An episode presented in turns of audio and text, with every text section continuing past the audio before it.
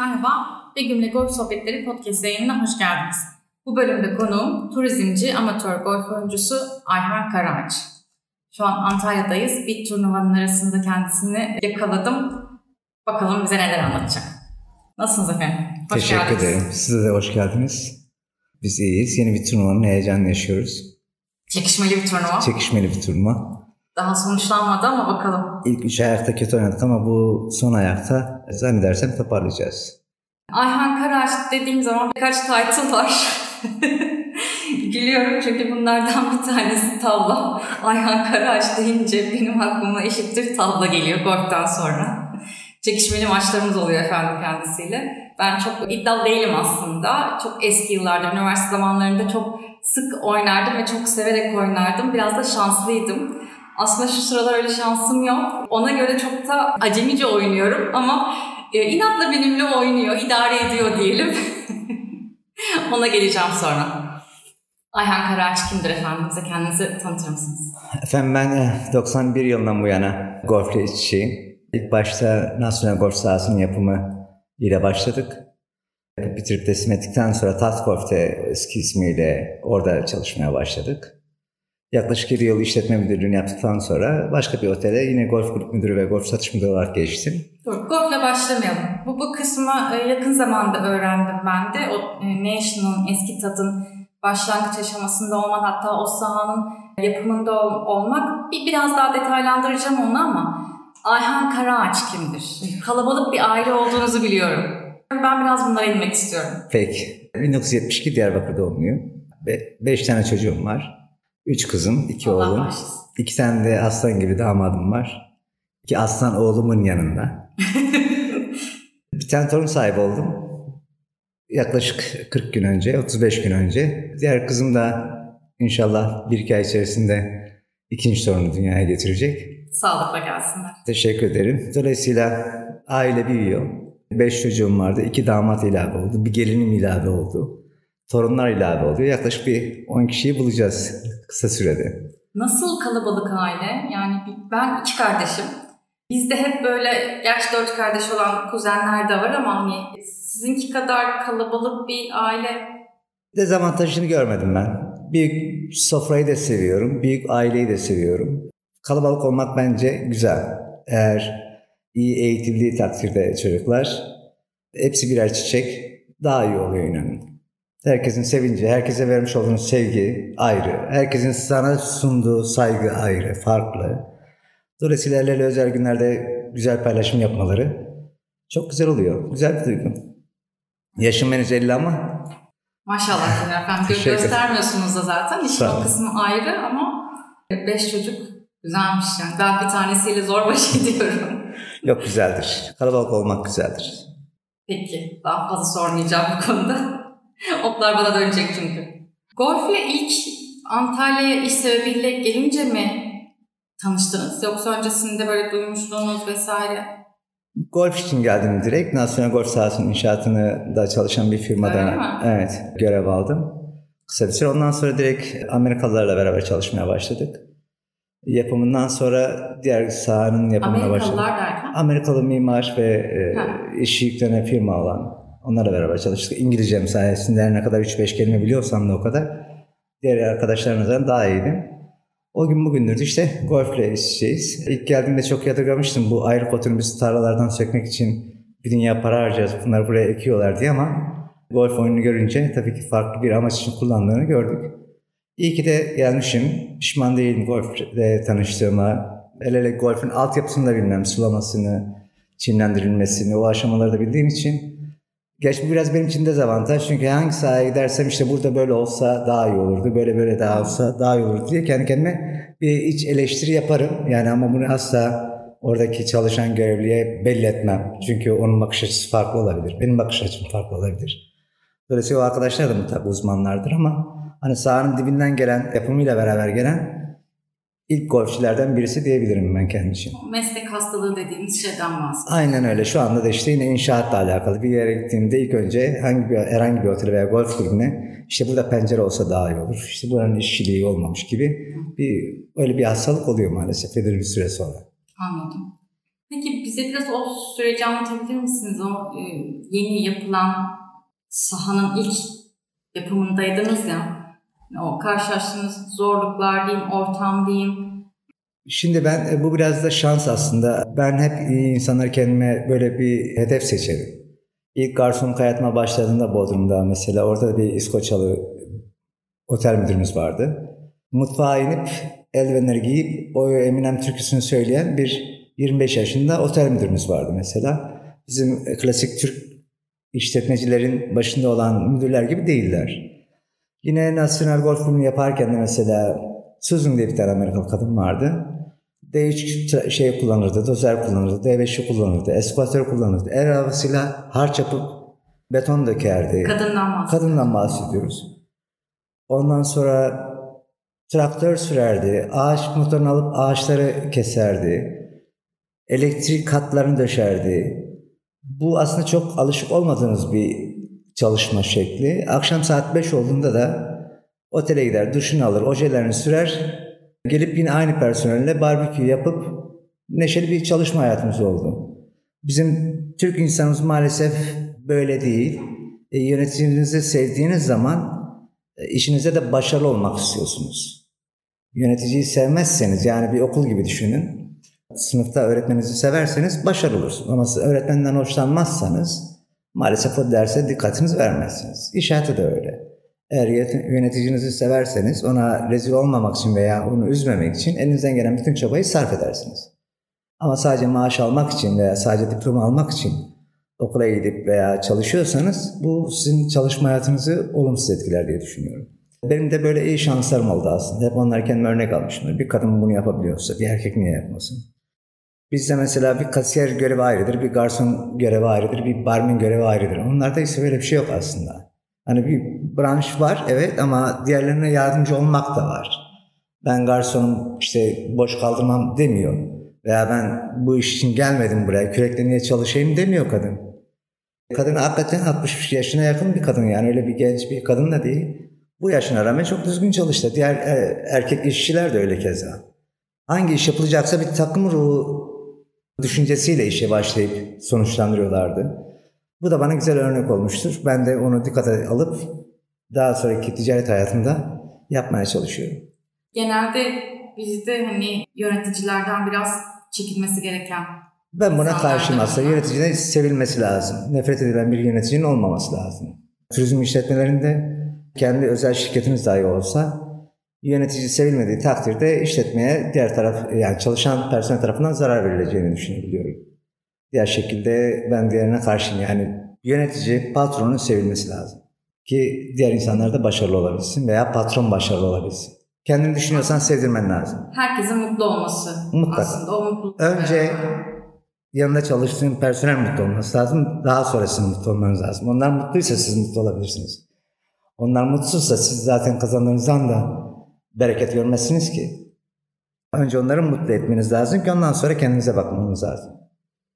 Ne güzel bir bakış açısı. Bizde genelde olmayan. Bilmiyorum ben işte bu örnekleri göze aldım ve örnek seçtim kendime ve zararını da gördüm. Halen daha işte Tatkorf'tan ayrılalı yaklaşık belki 20 sene olmuştur. Ayhan müdürüm diye hitap edilirim eski personel tarafından. Bu da güzel bir şey bence. Peki e, National buranın Antalya bölgesinin ilk sahası diye biliyorum. İlk sahası... Türkiye'nin ilk sahalarından bir tanesi. Evet Türkiye'nin yani yok Antalya'nın ilk sahası. İstanbul'daki daha eski sahalar vardı biliyorsunuz. İstanbul'da İstanbul'da İGK'nın Maslak sahası vardı. Ondan sonra National oldu. National oldu. Places National da önce hangisi onu şu an çok... Ben de hatırlamıyorum ama National'den sonra işte Robinson, sonra Tatgolf ve Gloria aynı zamanda hemen hemen açıldı. Daha sonra diğer sahalara ilave oldu. Onlarda görev aldınız mı? Nasyonel inşaatından sonra işte Tatkorf'ta çalışmaya başladık. Oranın e, inşaatını bitirdik. Daha sonra 7 yıl işletme sorumluluğunu yaptım. Aynı zamanda Türkiye Golf Federasyonu Antalya sorumlusu olarak görev aldım. Tat Golf'teki çalışma hayatından sonra Gloria Golf'te Golf Satış Müdürlüğü ve Golf Kulübü Müdür Asistanlığı yaptım. Sonra baktım maaşlı bir yere gelinmiyor. Biraz da ticareti deneyim dedim ve çok şükür ticarette daha iyi, başarılı ve dolduğumu görebiliyorum. Evet, şimdi onu soracaktım bu geçiş nasıl oldu diye. Şimdi neler yapıyorsunuz? Önce geçişi anlatayım size. Bir gün bir ajantada çalışırken bir emlak firması geldi. Bizi ziyaret hani evlerini satalım anlamında. Biz de golf ajantasında çalışıyorum. Bir misafir içeri girdi ve dedi ki işte ben Side'de otel rezervasyonu yapmak istiyorum. Sokak ajantası olduğumuz için sokaktan gelen bir müşteri. Ben o insanı Belek'te bir otele yerleştirmeyi, altına araba vermeyi ve aynı zamanda pro shop vardı. Oradan da yüklü bir miktarda alışveriş yapmasını sağladım. O emlakçı da bunu görebiliyor. Diyor ki ya işte müşteri Side de istedi. Sen niye Side'den otel vermedin? Dedim biz Belek'te verelim. Niye Side'ye gitsin? Hani onu ikna etmeyi başarabildim ve dedi ki akşam müsaitsen de bir yemek yiyelim dedi. Ben de olur dedim. Akşam yemekte bana iş teklifinde bulundu işte satış, emlak satış bölümü olarak.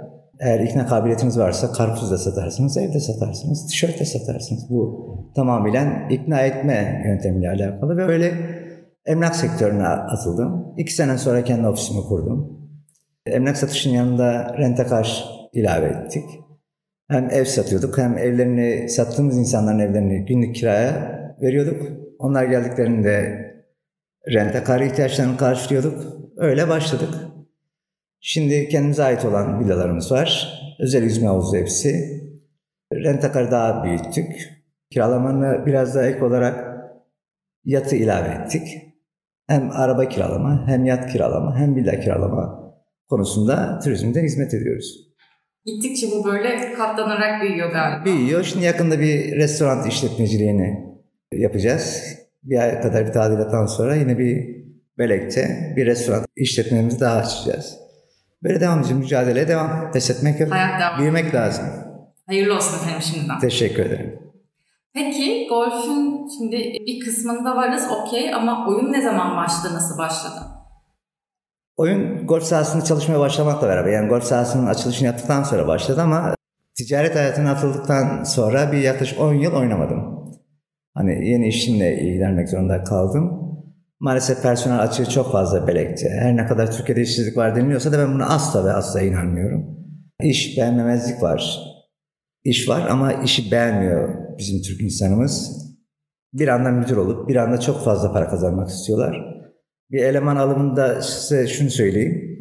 Ne kadar maaş vereceksiniz diye soruyorlar. Ben ne kadar istiyorsunuz? E bana kalsa işte o zamanın parasıyla, bugünün parasıyla işte diyelim 100 bin lira kazanmak istiyorum diyor. Tamam ben size 100 bin lira vereyim ama siz bana 101 bin lira kazandırın. Bin lirası benim olsun, 100 bin lirası sizin olsun. Dediğinde ha öyle şey mi olur ya ben senin kara kaşına kara gözüne işe almıyorum. Hani sonuçta sen işletmeye para kazandırmak için seni işe alıyorum.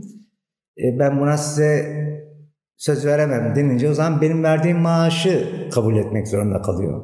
Hani bir mücadele, mücadele yapan, yapmak, yapmak istemiyor insanlar.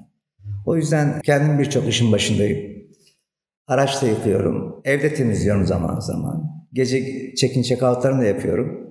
Diğer personel zaten sabah 8 akşam 5 deyip gidiyor ama bizim işimiz 24 saat. O yüzden uykudan da yeterince tat alamıyoruz ve belirli bir süre sonra artık o az uyku sizin hayat alışkanlığınız haline geliyor. Gecede 3 saat, 4 saat uyumak yetiyor artık bana. Evet bunu konuşmuştuk geçen gün değil mi? Evet. 3-4 saat uyunur mu? Yani 4 saat uyuduğunuz zaman mükemmel bir aslında gün. Ve ben uyku aslında zaman kaybı olarak nitelendiriyorum. Uyku zaman kaybı. Evet. Çünkü gün 24 saat eğer uyuyarak geçirirseniz hayatı yaşamamış olursunuz. Ama dinlenmek için de uyumamız 4 saat yeterli. gerekiyor diyor uzmanlar. 4, 4 saat yeterli. Vücudun dinlenmesi 4 saat yeterli. Yani inşaatta çalışan için belki yeterli olmayabilir ama hani yöneticilerin 4 saat uyuması gayet yeterli bence. Anladım. Peki. O aradan sonra oyuna dönüş var. Sonra da kopmadık galiba. Daha hırsla devam ettim. Hedefimde de single handicap olmak vardı. O da bu sene nasip oldu. Single handicap'te kalmaya devam etmeye umut ediyorum. Tabii ki bir sıfır handicap belki zor ama hani en azından 5'in altına düşmeyi hedefliyorum. Şu an kaç handikap? 9.8'den 11.3'e çıktı. Son e, dönemlerde oynadığım kötü oyunlar sebebiyle ki zaman ayıramıyorum aslında. O yüzden fazla praktis yapamayınca handicap yükseliyor maalesef. Hani sık sık oynamak lazım ve sık sık praktis yapmak lazım. Ama bu en kısa sürede telafi edeceğime inanıyorum. Yine düşeceğim single handicap'e. Korksunlar benden. Korksunlar peki. Antalya'da şunu sormak istiyorum şimdi. İstanbul'da vesaire diğer şehirlerde üyelik sistemi var. Ama Antalya daha çok hani golfün merkezi Belek, okey, e, turizme yönelik. Evet. Burada üyelik sistemi yok normalde. Bazı golf kulüplerinde var. Bu yeni yeni başladı. Yo Nasyonel'de baştan beri var. Öyle Ee, mi? Evet, Kayra Golf sahası kabul ediyor. Zannedersem Sueno'da da var. Hı hı. Ama tabii İstanbul gibi değil. Hani burada daha fazla yabancıların üye olduğu golf. Yani üyelik sistemi gibi düşünün. Türk misafirler veya Türk golfçiler mesela bizim kulüp üyeleri daha çok sponsor ayarlayarak turnuva düzenleyebiliyor. Bunun yanı sıra sağ olsunlar diğer bütün golf sahaları hemen hemen diyebilirim ki bedelsiz olarak e, kapılarımızı açıyorlar. Bunun için de çok teşekkür ederim gerçekten.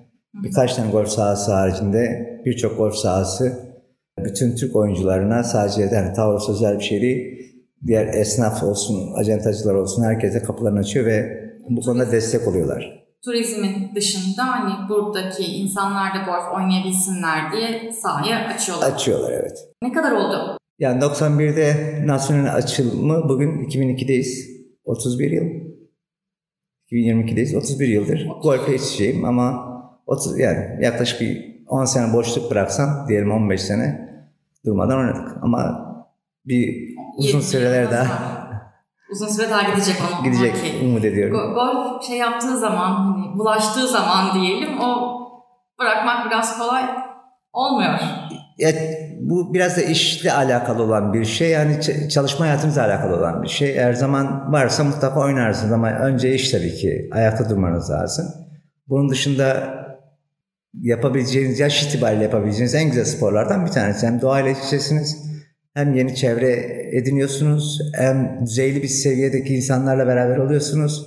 Hem de kötü alışkanlıkların birçoğundan uzak duruyorsunuz aslında. Ne gibi efendim? Kötü alışkanlıklar. Ya bir hastalıktır mesela güvercin beslemek de bir hastalıktır. Yat sevdası da bir hastalıktır. Balık tutmak da bir hastalıktır ama onlar bende yok mesela. Golf daha iyi hastalıktır. seçtik. düşünüyorum. Bunu seçtik. Hiç başka sporla ilgilendiniz mi golf haricinde? Hayır. Peki neden golf? Yani neyini seviyorsunuz bu kadar?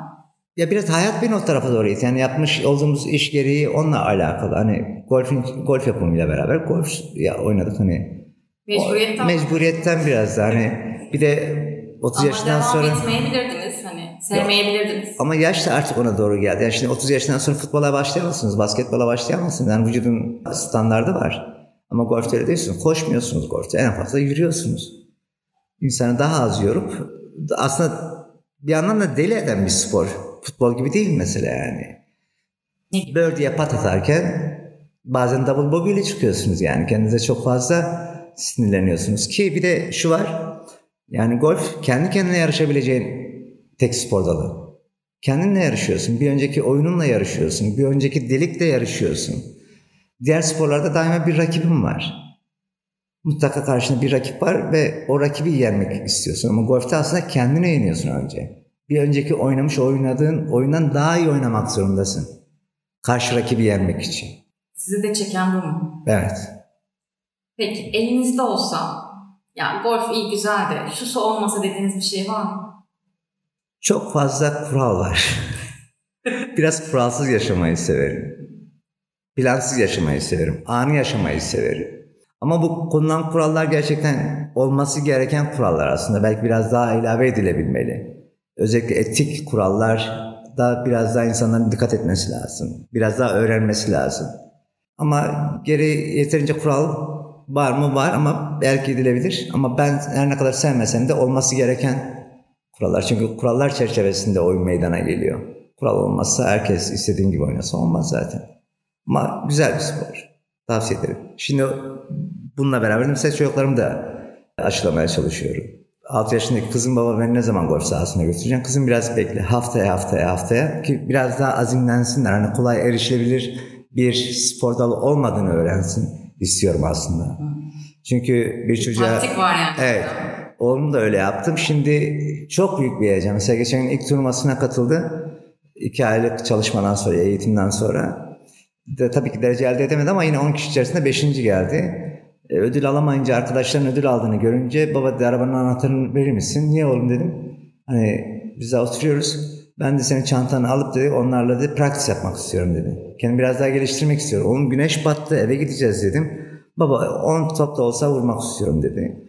Hayır dedim ama inatla tekrar tekrar geldi sordu ve güneş batmasına rağmen Chipping Green'de çip yapıyordu. Ondan sonra bunu oradaki akademi sahibi görüyor. Gece saat 11.30'da aradı ya dedi bugün dedi senin oğlanı da güneş battıktan sonra çalışırken gördüm. Bu çocuğu benim okula gönder dedi. Benim sağ ol teşekkür ederim ama çok gurur duydum. Çok anlatılmaz bu duygu. Hani oğlum başarılı olacak ve bunu bana ver demesi bir baba için onur verici bir şey. Böyle azim çünkü onun da zamanında baba gelmek istiyorum göndermedim uzun süre. Vermedim kolay kolay. Yani zor olduğunu bilsin ve zor elde ettiği zaman onu kaybetmemek için daha çok çalışır. Belki bizim yaptığımız hata bu. Çocuklar şimdi bir şey istedikleri zaman onu mu istiyorsun? Okey hani tamam alayım getireyim. Hep bunu yapıyoruz. Savaş ruhu olmuyor o zaman. Savaş ruhuyla yetiştirmek lazım aslında çocuklar. Hani savaşması lazım. Bu okulla da savaşacak, dersiyle de savaşacak, çalışma hayatıyla da savaşacak, sporla da savaşacak ama bir savaşçı ruhuyla olması lazım. Kolay elde ettiği zaman kolay Orada bırakır. Zevk almayacaktır yani. Evet genel sıkıntı o değil mi zaten şimdiki nesilde? Bir şey istiyor, alıyor ve e, onunla ne kadar oynuyor ya da ne kadar tatmin oluyor onunla orada duruyor. Bir bebeği alınan oyuncak da aynı şekilde. Her dediğini alırsanız eve getirdiğinde artık yarım saat oynayıp bırakacaktır. Çünkü Aynen. ne zaman istesem ailem bana alıverecektir yani. Bunu hani biz yok dediğimizde imkansızlıklarla alakalı olmadığını da belirtmemiz lazım. Evet alabilmek gücümüz var ama elinde var. Hani onunla önce bir zaman geçir, vakit geçir deyip ikna etmemiz lazım. Ki tabii biz de zaman zaman çocuklara yenilebiliyoruz. Hani her konuda böyle yapamıyoruz. Yani bazen bizim kültürümüzün getirmiş olduğu sebeplerden dolayısıyla yerine getiriyoruz bazen. Çocuk yetiştirmek bir sanat diyorum ben yani. Gerçekten çok zor bir şey aslında. Aa, tabii ki ayrı bir sanat. Hani bizim kuşak farklı, şimdiki kuşak farklı. Biz canım sıkılıyoruz diyemezdik annemize babamıza yani. Bir siyah beyaz televizyonumuz varsa aç karşısında saatlerce otur. Hani bir lambası yanan saatimiz varsa ondan mutlu oluyorduk. Şimdi tabletler, telefonlar, çeşit çeşit çizgi film kanalları, çeşit çeşit oyuncaklarla çocukların halen canı sıkılıyor. Bu da işte verdikçe diğerleri değersizleniyor. Burada hep benim aklıma şey geliyor. Ee, Gülse Birsel'in bir köşe yazısı vardı. O bununla ilgili bir yazı yazmıştı. Şimdiki nesle bakıyorum sürekli depresyondalar, sürekli canları sıkılıyor. Bizim canımız sıkılamazdı. Canımız sıkıldığı zaman ya annemizin cimciyle karşılaşırdık ya da elinde bir terlik olurdu bize doğru gelip. O terlik aslında var ya en iyi ilaçtır. İnanın en iyi ilaçtır. Her ikisinin de can sıkıntısını alıyor. Keşke bunu da yapabilsek. Hem annenin can sıkıntısını alıyordu, stresini atıyordu. Hem o terliği yiyen can sıkıntısı gideriliyordu yani. Şimdi götür pedagoglar da uğraş. Onların verdiği ilaçlara çok kimyasalları doldur. Allah yapımı yani bir bir arabanın hangi parçayı lazım olabileceğini anlayabilirsiniz. Sözlersin eski parça çıkarırsınız yeni parçayı takarsınız. Ama insan öyle değil ki. Vermiş olduğunuz bir ilacın yan etkileri her insanda farklı farklı. Kan grupları farklı. Yani insan bir makine değil. Kan grupları farklı, ilaçlar farklı, her şey aynı olmayabilir. Ben biraz işte o terlik meselesine çok destek veren insanlardanım aslında yani. Anladım. Terlik gideriyordu. Peki golfe dönecek olursak oyunda en zorlandığınız şey? Eğer bayrağa en yakınsam ve bütün insanlar beni izliyorsa bir karış patayı kaçırabiliyorum. Onda zorlanıyorum. Yani insanların beni izlemesinde heyecanlanıyorum. O heyecanı bir türlü yenemedim. Fotoğraf etkiliyor mu efendim? Bazen. Ama hani çok şey değil. En çok benim sinir olduğum yine etik kurallar içerisinde olan. Mesela tam pata yaparken veya tam drive vururken buggy'de oturan arkadaşların telefonuna tak diye vurmaları veya klabını çantasına koymaları. Yani ona biraz daha dikkat edildiği takdirde çok daha mutlu olacağız hep beraber. Gerçekten ona çok takılıyorum. Takılmamaya çalışıyorum ama yine takılıyorum. Anladım. Dünkü oyunda da böyle oldu maalesef. Birkaç tane birdie atmam gerekirken Kısa patlar dahi kaçırdım o yüzden. Buradan ilettik o zaman efendim. Lütfen daha dikkatli olalım. Karşımızdaki oyuncu arkadaşlara daha saygılı davranalım ki onlar da bize saygı göstersinler. Oyunda en sevdiğiniz şey? Dün, dün oldu mesela. Par 3'te. Her şey dün olmuş efendim. Evet yani Dün olan birisi en yakın geldi. denk geldi. Paraşütte top göle 2 metre kala girdi ve çıkıp fairway'e gitti tekrar. Yani suya Çok- girdi çıktı. Suya girdi çıktı. Herkes şaşırdı. Sanki kayaya vurmuş gibi ama aslında kaya falan yok tabii orada. Bu, bu bazen oluyor. Ve tam kaybedecekken kazanmak güzel bir duygu. İkisini bir anda yaşıyorsunuz çünkü. Top girdi, ceza alacaksınız ama çıktı, cezasız devam edeceksiniz. Bu güzel bir duygu. Evet güzel diyor. Golfü hayata benzetiyorlar ya. İşte bu da bunun gibi anlarla beraber mi acaba birikiyor? Her şey var içinde. E, Var tabii yani birdie'ye patlatıp double bogey ile çıkmak var veya hole yapmak var. Ne Hayat da öyle. Ne olacağı belli değil. Yarın ne olacağı belli değil. Bir saniye sonra ne olacağımız belli değil ama golfte onun gibi attığınız top şenk yapabilir veya direkt deliğin içine girebilir. Hayat da öyle. Ya da bugün iyi oynadın, yarın nasıl oynayacaksın belli değil. İnşallah daha iyi oynarız. İnşallah. Pozitif düşünelim. Pozitif, Pozitif şeyler geçsin. Evet. İnsan konuştuğunu yaşar çünkü sonuçta. İyi bir golfçü sizce nasıl olmalı? Yapmış olduğu skor benim için hiç önemli değil aslında. Bu biraz da iyi bir insan nasıl olmalıyla alakalı gibi bir şey. Hani karşı oyuncuya saygı gösteren bir oyuncu benim için iyi bir oyuncudur. Her şeyden önce saygı. Evet. Bugüne kadar golfle alakalı soruyorum. Onur duyduğunuz, hoşunuza giden, ya işte yaptım, hani şunu başardım dediğiniz bir an. Ya yoğun iş çalışması içerisinde az da olsa zaman bulup ama longest drive olsun, ama nearest to the pin olsun, ama overall winner olsun. O kupalar almak, insanlar tarafından alkışlanmak güzel bir şey. Ama tabii bazen de balkonda geri kalıp diğer arkadaşları da alkışlıyoruz. İkisi de güzel değil. İkisi de güzel. İnsanlar neden golf oynamalı? İnsanlar neden golf oynamalı? Güzel bir soru ama açıklaması çok geniş olan bir soru. Evet ilk başta pahalı bir spor gibi görülse de bütün ekipmanlar aldıktan sonra öyle çok pahalı bir spor değil. Bir futbol maçına giden futbol fanatiği yılda ne kadar para harcar mesela biletler için şehirlere gidip oynuyor. Aynı onun gibi bir şey aslında çok yüksek bir rakam değil. Neden golf oynamalı? Bence hayatı öğrenir ya. Yani gerçekten hayatı orada öğrenebilir. Yani hem hata yapıp nasıl düzeltebileceğini öğrenir. Başarının ne olduğunu öğrenir. Kaybetmenin de ne olduğunu öğrenir. Hayat gibi. Futbol öyle değildir. Ne bileyim. Okçuluk belki. Ama diğer sporlardan çok farklıdır. Orada kısa bir sürede oynarsınız. En fazla uzun işte 90 dakika futbol. Golf'te 4 saat 5 saat vakit geçiriyorsunuz. Daha çok insan tanıyorsunuz. Doğanın içindesiniz. Doğayla yarışıyorsun. Rüzgar bir faktör ama oyunun bir parçası. Yağmur bir faktör ama oyunun bir parçası. Yerdeki ağaç dalı, kökü oyunun bir parçası. Güzel bir spordur golf. Oynayın. Sizin için önemi nedir Tavus? Ailem gibi diyebilirim. Diğer golf kulüplerinden öte bir golf kulübü diyebilirim. Gerçekten bir aileyiz. Acı günde tatlı günde birbirimizin yanındayız. Bir de biz Anadolu takımıyız. Gerçekten bizim Anadolu insanı biraz daha farklı. Hani diğer arkadaşlar da çok iyiler. Kesinlikle bir yanlış anlaşılma falan olmasın. Daha duygusalız belki diyebileyim. Daha gerçekçi, daha samimiyiz diyebilirim. Ben bunu aslında hani diğer golf kulüplerinde mutlaka vardır ama biz bu duyguyu daha fazla çok yaşıyoruz burada. Rakip de olsak kendi içimizde hep böyle kuralları söyleriz, yardımcı oluruz ve bunu güzel bir dille anlatmaya çalışırız. Diğer golf kulüplerinde kulüp oyuncularla oynadığımızda da böyle hani acaba kırmadan daha nazik nasıl söyleyebiliriz? Gerçekten ben bunu bizim kulüpte görebiliyorum ama zaman zaman diğer golf kulüplerinde aynı şeyle karşılaşmıyoruz. Daha çok böyle hani oyunu nasıl bozarım, karşı tarafın moralini nasıl bozarım, nasıl oyunu alırım yapmıyoruz mesela.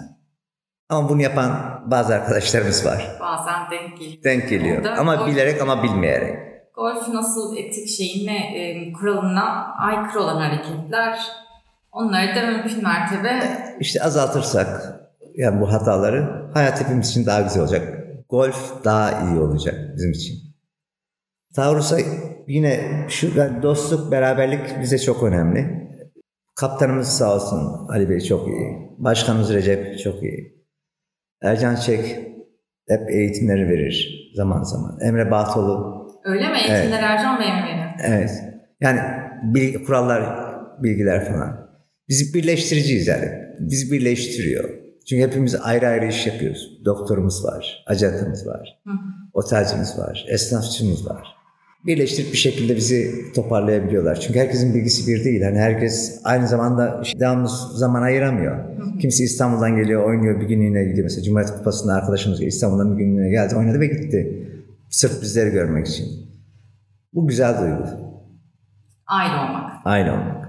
Peki efendim, golfün ufacık dışına çıkıyorum. Diyorum ki bu tavla sevdası nereden Aa, geldi?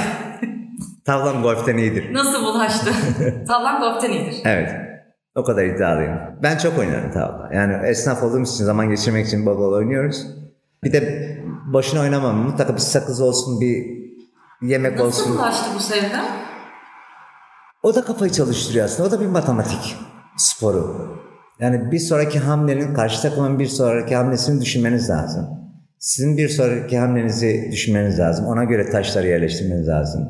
Hani ona göre zarlar atmanız lazım değil bakın. Hani ona göre pullarınızı yerleştirmeniz lazım. Ama bazen içinizden öyle bir geçiriyorsunuz ki. Ve bu yaşıyor. Çünkü insan bir an önce dedim ya konuştuğunu yaşar. Düşündüğünüzü yaşarsınız. O enerji verirseniz denk gelir o. Tabi bunu bilinçli olarak yapan arkadaşlar var. Onlarla oynamayı sevmiyorum. Hani zar tutan arkadaşlarla oynamayı sevmiyorum. Hakikaten hani bazı insanlar var fincana koyup fincanla oynuyoruz. E, zevk almıyorum diyor. Tutmayacaksın zar o zaman. Zar evet. tutulmadan oynanıyor mu efendim? Tutulmadan oynanıyor efendim. Siz benim ne demek istediğimi anladınız. Siz de tutamazsınız ben de tutamam onu. Kişilik olarak olmaz. Yani hile katmamak lazım oyuna. Yok o olmaz evet. Evet yani o hile anlamındaki zar tutmayı söylüyorum. Yoksa bir şey itiraf edebilir miyim? Çok içimde kalacak. Dün akşamki oyunda şöyle bir sağa sola bakarken ben bir hoşlanmadığım bir zarım gelmiş olup da sonra onu bir daha atmış olabilirim efendim. Buna benzer birçok hatalarınızı görmemesinden geliyorum efendim. Yok diğerleri e, şey bilerek Belki bilerek değil ama. bilerek isteyerek de buradan itiraf etmiş olayım. Ona rağmen sonucu söyler misiniz Begüm Hanım? Ona rağmen yenildik efendim. Zar benden yanaydı e, geçtiğimiz Kasım'ın rövanşı diyelim efendim. Peki efendim öyle diyelim. Size de öyle bir teselli verelim. teselli peki. Golfe dönüyorum. Son sorum. Çok sevdiğim bir soru. Golf nedir, ne değildir? Çok geniş bir soru. Hani dedim ya başta da buna bir şey söylemiştim. Golf bir hayattır. Hani bir yaşam biçimi tabii de hayattır. Hani hem iyisi var hem kötüsü var. Hem rakibiniz var. Rakibiniz sadece karşıdaki oyuncu değil, sahayla da rakip, rakipsiniz. Yeni bir sahaya gittiğiniz o da sizin rakibiniz oluyor. Ha, güzel rakipler var. Bazı sahalar size stroke verir, bazı sahalar sizden stroke alır. Hı. Yaşam biçimidir, güzeldir, hayattır golf.